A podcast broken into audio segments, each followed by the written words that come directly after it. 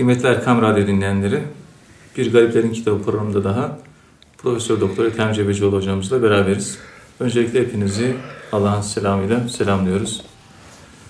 Kıymetli hocamız bize Esad Efendi Hazretleri'nin hayatını, menakımını ve tasavvufi görüşlerini anlatıyorlar. Muhterem hocam, ölüm e, tasavvufta da çok önemli bir hakikat. Esad Efendi Hazretleri'nin ölüm psikolojisi ve ölümle alakalı bazı görüşleri var. Ayet-i kerimelerde de ölüm sık sık e, işleniyor. Külü nefsin zayikatil mevt. Her canlı ölümü tadacaktır. Yani e, her hepimizin e, akıbeti işte hepimiz ölümle bu hakikatle şey buluşacağız. Esad Efendi Hazretleri ölümle alakalı neler söylüyor? E, dünya ve ölüm arasındaki ilişki nelerdir? Bunlardan bahsedebilir misiniz? Evet. Öldükten sonra kimse öldüğü yok. Bismillahirrahmanirrahim diyelim önce. Buyurun hocam. Çünkü yentakilune min darin ila darin. Bir evden bir diğer eve gidiş. Yani ruhlar ölmez çünkü. Ölen hayvan imiş diyoruz ya. Dolayısıyla bu dünyada biz zamanlı mekanını yaşıyoruz. Öldükten sonra ruhumuz yine yaşamaya devam ediyor ama zamansız ve mekansız. Arada bu fark var. Bir başka bir yaşam türü, hayat türü, yaşama türü. Bu dünyada yaşadığımız zamanlı mekanlı o da başka hayat türü olmuş oluyor.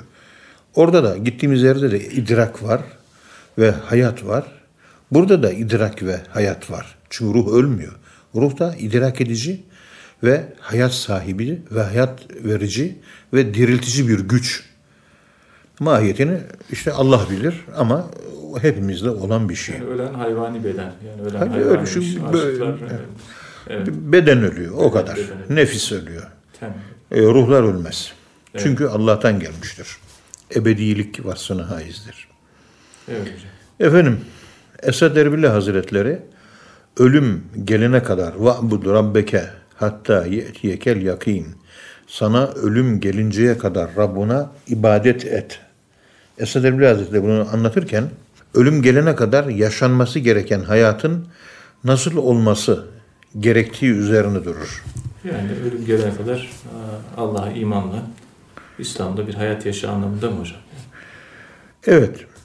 Her nefis ölümü tadıcıdır. Her nefis küllü nefsin zaikatül mevt. Bu ayet gereğince salikin ölümün pençesine düşeceğinden kefenin dışında ne malın ne evladın insana fayda vermeyeceğini hatırlatır ve bunun üzerinde düşünmesini ister. Ve bu ayet-i kerimenin tasavvuftaki rabıtayı mevtin mesnedini teşkil ettiğine işarette bulunur. Çünkü rabıtayı mevt ölümle temasa geçmek bir kimsenin imanını artırır. Aslında ayet-i kerimede küllü nefsin zayikatül mevt diye zayika kelimesi isim faildir. İsim failler fiili muzayirler gibi istimrari mana taşır. Ya present continuous tense, sürekli. Evet. Biz aslında sürekli ölüyoruz. Yani her nefis ölümü tadacaktır. Annemizin karnından çıktık. Yaşımız şu anda 65 olduğu ihtiyarladık. Ve an an, dakika dakika, saat saat, e, gece gündüz, hafta hafta, ay ay bu şekilde ölüme yaklaşıyoruz. Yani her an geçtikçe ölüyoruz. Her an geçtikçe ölüyoruz. Zaman, zayikatül mevteki zayika kelimesi kronolojik bir anlam ifade ediyor. Zamansallık ifade ediyor. Sürekli ölüm halindesiniz. Her an ölüyoruz, her an diriliyoruz o anlamda mı? Yok.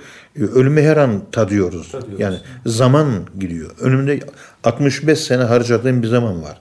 Ne kadar yaşayacağım? Diyelim ki 10 sene. 10 senede tüketiyorum. Her harcadığım saniye ve dakika benim öldürdüğüm bir vaktim. Evet. Ölüme yaklaşımım bu manada. Evet. Tabi tekamül manasına gelen bir açıklaması var. Ben sadece zaika kelimesindeki istimrar yani present continuous tense dediğimiz e, istimrari manası üzerinden bir yorum vermeye çalıştım. Evet, sürekli Sürekli ölüm halini, sürekli ölüyoruz, ölüyoruz. Evet. Ve her ölüm bir diriliştir. Bunu fark ettiğiniz zaman diriliş oluyor. İnsanlar öldüğünü her an fark edemediği için dirilemiyor. Çünkü her şey zıttında gizli. Ölümü biz ötekileştirdik, içselleştiremedik. Onun için ölümden diriyi çıkartamıyoruz biz. Ölüm gerçekten öldürüyor bizi.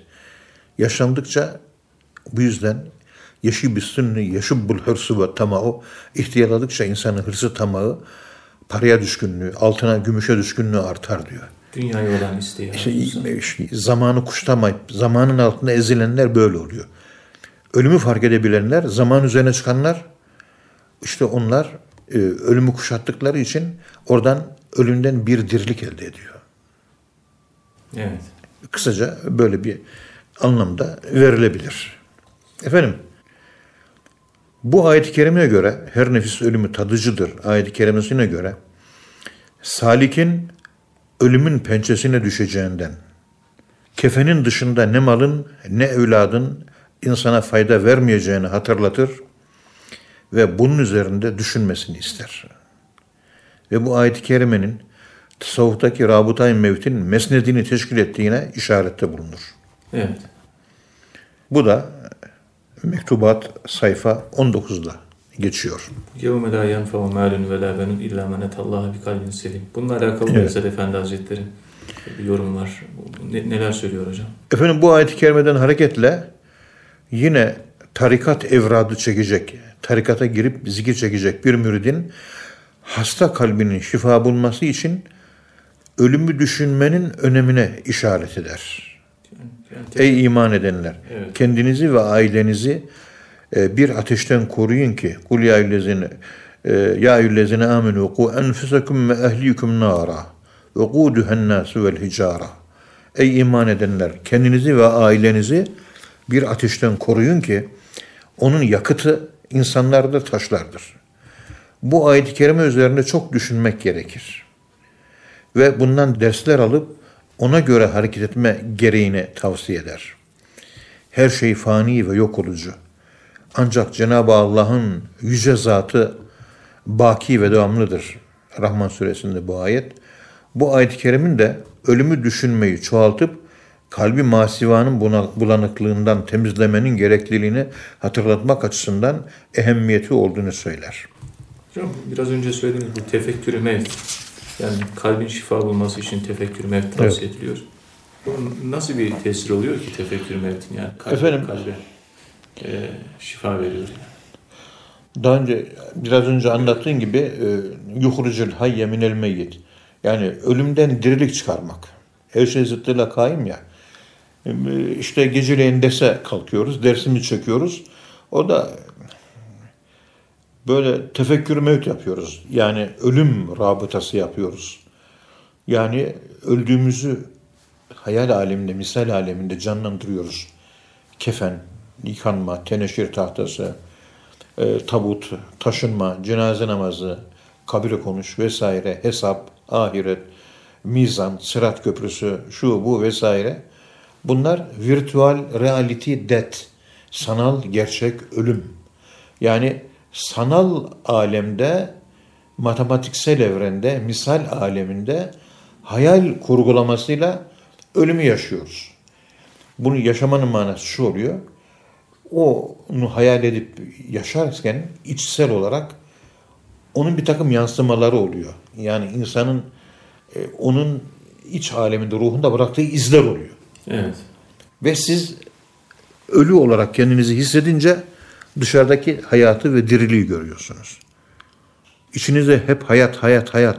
Onu yaşadığım için dışarıdaki varlığın fani olduğunu göremiyoruz. Evet. Halbuki ben merkezli olarak ölücü, gidici, kaybolucu, fani, helak olucu yani kevni fesat aleminde nihayet bir zaman gelecek vefat edeceğiz. Bunu bilemezseniz siz Allah'ı bulamazsınız. Zamanın üzerine çıkamazsınız. Mekanın üzerine çıkamazsınız. Zamanın e, ve mekanı aşıp la zaman la mekan mertebelerinde bulunamazsınız. İşte gerçek hayatın innel ahirete lehiyel hayvan gerçek dirilik ahiret hayatıdır. O ahiret hayatı da içimizde, iç alemimizde, kalbimizin bir kompartımanında, ruhumuzun geldiği yerde, Allah'ta o ebedilik hepimizde var. İşte ölüm rabıtasıyla birlikte kişinin imanı, Allah'a imanı artar. Az önce okuduğum Cuma suresindeki ayet-i kerimede Kul ya eyyühellezine hadu in zaamtum ennekum evliyâ lillahi min dünnas. Ey Yahudiler siz bütün insanlardan daha çok Allah'ı sevdiğini dizi söylüyor ve iddia ediyorsunuz. O halde fetemennemül mevt. Fetemennevül mevte. Ölümü çok çok arzu edin. Evet. Yani Allah'ı seviyorsanız ölümü arzulamak lazım. Ölümü sevmenin alameti Allah'ı kavuşmayı arzulamaktır. İnkünnü sadikin sadıklardan iseniz. Onun için sadıklar ölmeyi severler. Ölmeyi sevmek demek bu ayet-i kerimeye göre Allah'ı sevmek demektir. Demek Allah sevgisini arttırıyor ölüm. Evet. Ahirete bağlılığı, Allah'a bağlılığı artırıyor. Dünyaya bağlılığı azaltıyor. Bunlar e, işte ölümün hakikatiyle ilgili olarak e, Göte'nin Doğu ve Batı Divanı adlı eserinde Fitrip und Werde ol ya da öl Almancası bu. Bu ya olmak ya da ölmek. İkisi de aynı şey. Bir şey yok. Olma, oluşma, ölmede. Onun için bir derviş rüyada öldüğünü görse, ölüler görse, bir yakın akrabasının öldüğünü görse, bunların hepsi kendisinin kötü bir sıfatının kaybolduğunu ve ona karşılık ilahi bir sıfatta dirildiğini gösterir. Evet. Onun için ölüm rüyaları hep diriliktir. Dervişlerin çoğu rüyalarında hep ölüm görürler. Ölüm sahneleri yaşarlar. Halbuki bu onların derece atladığını, maneviyatta yükseldiğini gösteren hususlardandır. Evet. Yine Esad Efendi Hazretleri hocam e, ayet-i kerimelerden örnekler veriyor. Kıyameti gördüğü gün her emzikli kadın emzirdiğinden vazgeçer. Her gebe kadın çocuğunu düşürür. İnsanları da sarhoş bir halde görürsün. Oysa onlar sarhoş değillerdir fakat Allah'ın azabı çok şiddetlidir. Şeklinde bazı ayet-i kerimeler zikrediyor mektubatta. Evet. Yine yani ölüm aslında insanı gam ve kederden e, kurtarıyor. Yani Evet. onu söylüyor Esad Efendi. Evet hocam. Evet. Allah öleceklerin ölüm zamanı gelince ölmeyeceklerin de uykuları esnasında ruhlarını alır. Bu Zümer suresi 42. ayet-i kerime. Az önce okumuştum. Evet. Ölmelerini hükmettiği kimselerin ruhunu Allah tutar. Diğerlerini bir süreye kadar bedenlerine girmek, kavuşmak üzere sadı verir, gönderir. İşte bu konuda düşünen kimseler için dersler vardır. Bir gam ve kederden kurtulup rahatlamayı arzu edenler ölümü tercih etmelidirler. Biraz önce sizin söylediğiniz yani Evet. ölümü tercih etmek. Ölümü tercih etmeli. Dünyayı değil de ölümü, Evet. ahireti Allah'a tercih etmek. Çünkü gerçek özgürlük ölümdedir.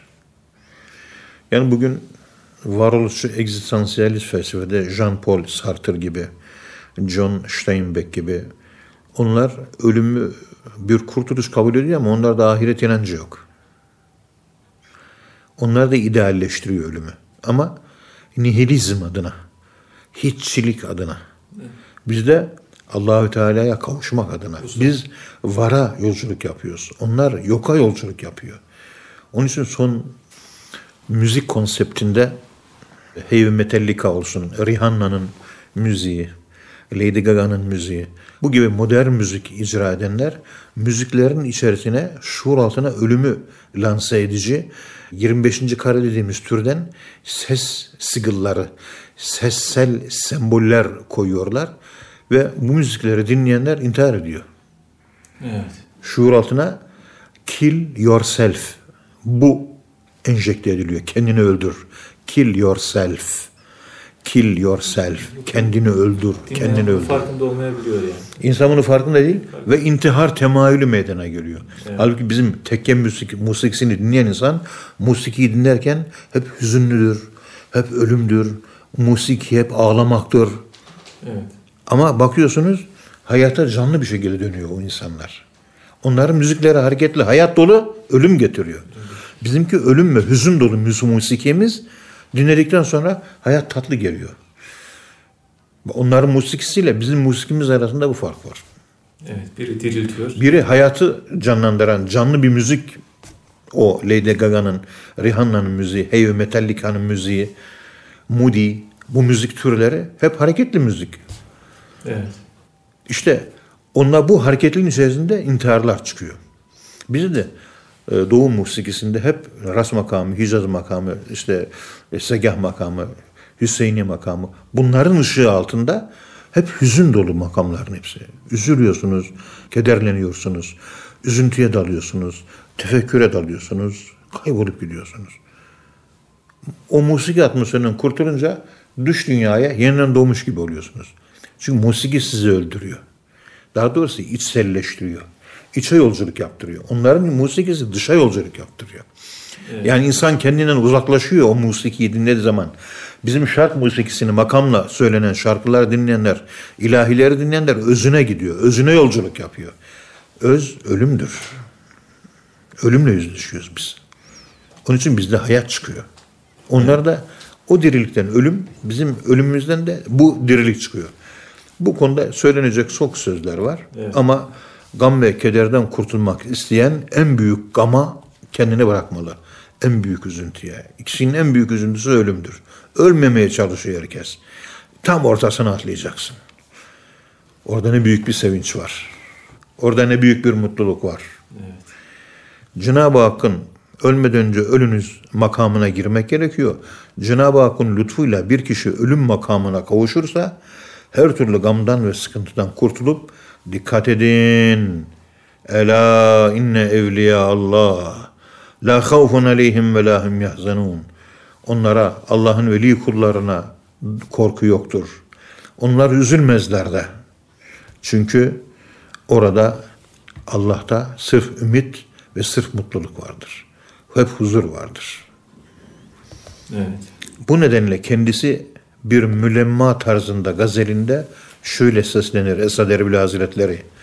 Vaktaki gelir hatıra o gözleri ahu errahatu testevhişu vel mevtu yemilu aşk ehli ölmez aşk ehli yerde sürünmez yanmayan bilmez ateşi aşkı. Sözü de müminlerin ölmeyeceğini yalnız bir mekandan bir mekana nakledileceklerini ifade eden e, sözlerdir. Gazelin anlamını kısaca bahsedebilir misiniz? Evet gözleri ahu gibi olan sevgiliyi hatırlayınca rahat kaçar. Yani Allah'ı hatırlayınca artık gece uyku gider. Onun o sevgiliden dolayı gece rahat kalmaz, huzur kalmaz. Hep kavuşma arzusu, hasret, ayrılık, gurbet yaşar, farkındalık oluşur. Ney gibi inlemeye başlar Bişne Vezne Çön hikayet, şiirini okumaya başlar Mevlana gibi. Evet. Ve insan ölüme bu şekilde meyleder. Allah tarafından ölüme meyletmesi demek o gözleri ahu gibi olan sevgiliye kavuşmak içindir. Allah bu ölüm perdesinin arkasında. Muhterem hocam, tabii Osmanlı devrinde yetişen insanların kalite düzeyi daha yüksek oluyor. Çünkü helal rızık var, işte haram fazla yok, sinema yok, internet yok. Tabii Kelami Dergahı'nda da yetişen insanlardan bahsediliyor. Ee, Kelami Dergahı'ndaki dervişlerin ruhi kalitesi e, nasıldı? Bundan bahsedebilir misiniz? Euzubillahimineşşeytanirracim. Bismillahirrahmanirrahim. Elhamdülillahi Rabbil alemin. Ve salatu ve selamu ala Resulina Muhammedin ve ala alihi ve sahbihi ecmain. Evet, Esad Erbili Hazretleri'nin dergahında dervişlerin manevi kalitesi yüksekti. Bunun biricik sebebi helal rızık boldu. Böyle bankacılık ve faiz ve haram lokma yaygın değildi. Evet. Efendim, harama pek o devirde rastlanmazdı. Benim yaşım 65.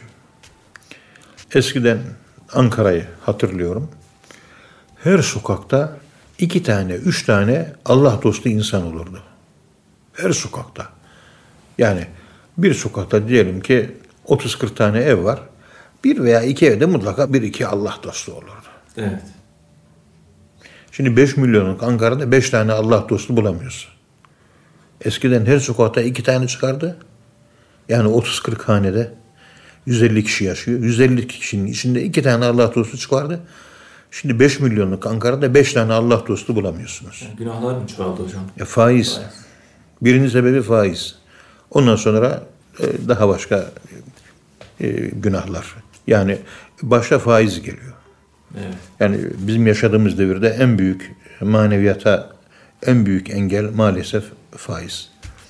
Evet. Efendim sinema, internet falan da yoktu o zamanlar gerçekten. Eğlence yoktu. Sokaklar sosyal ve ahlaki olarak terbiyeliydi. Sokaklar terbiyesiz değildi. Sokaklar ahlaksız değildi. İslam o zaman hem şekil olarak yaşanıyordu hem de ruh olarak yaşanıyordu. O zamanlar bol bol mevlüt okunurdu. Bol bol Kur'an okunuyordu. Şimdi ne Kur'an okunuyor ne de mevlüt okunuyor. Ne peygamber okunuyor ne Allah okunuyor. Evet. İşte bu arka planın ortaya çıkarttığı dervişlerin ruh kalitesi de çok yüksekti. Karlvet dergahtaki bir hatırasını şöyle anlatıyor. İşte hafif bir sesle e, zikir çektik. Ondan sonra zikirden sonra kalbi irtibat için karşılıklı birbirimize murakabe yaptık. Onun arkasından neşeli genç bir derviş izin verirseniz şimdi bir Kur'an-ı Kerim okuyalım dedi. Ve son derece berrak sesiyle Kur'an-ı Kerim'den bir aşır okumaya başladı. Evet. Okunan Kur'an kolaylıkla vecde gelen bu dervişleri hemen etkiledi. O günkü zikir ayinleri, çektikleri zikirler onları zaten iyice hassas hale getirmişti. Beyaz sakallı, yaşlı derviş yine herkesten önce cezbeye kapıldı. Arkasından gözlerinden yağmur gibi gözyaşları döküldü. Yanaklarından aşağı akmaya başladı. Kur'an okunuyor, gözlerinden yaşlar geliyordu. Cezbeye kapılıp titriyordu. O sırada titrek ve tiz bir çığlıkla Allah diye naralar atıyordu. Evet. O sırada orada bulunan bir piyade yüzbaşısı, bir asker, haki renkli İngiliz yapımı üniforması içerisinde bu dokunaklı Kur'an'dan etkilenmiş ve bir çocuk gibi hüngür hüngür ağlamaya başlamıştı. Evet. Diğer iki derviş de aynı şekilde ürpermeye, cezbelenmeye ve ağlamaya başladı. Gönüllerinin cezbesini açığa vuramayan diğerleri ise derinden soluk alıp veriyorlar. Ve kendilerini kaptırdıkları o manevi atmosfer içerisinde okunan Kur'an-ı Kerim'e uyumlu olarak hafif hafif sallanıyorlardı.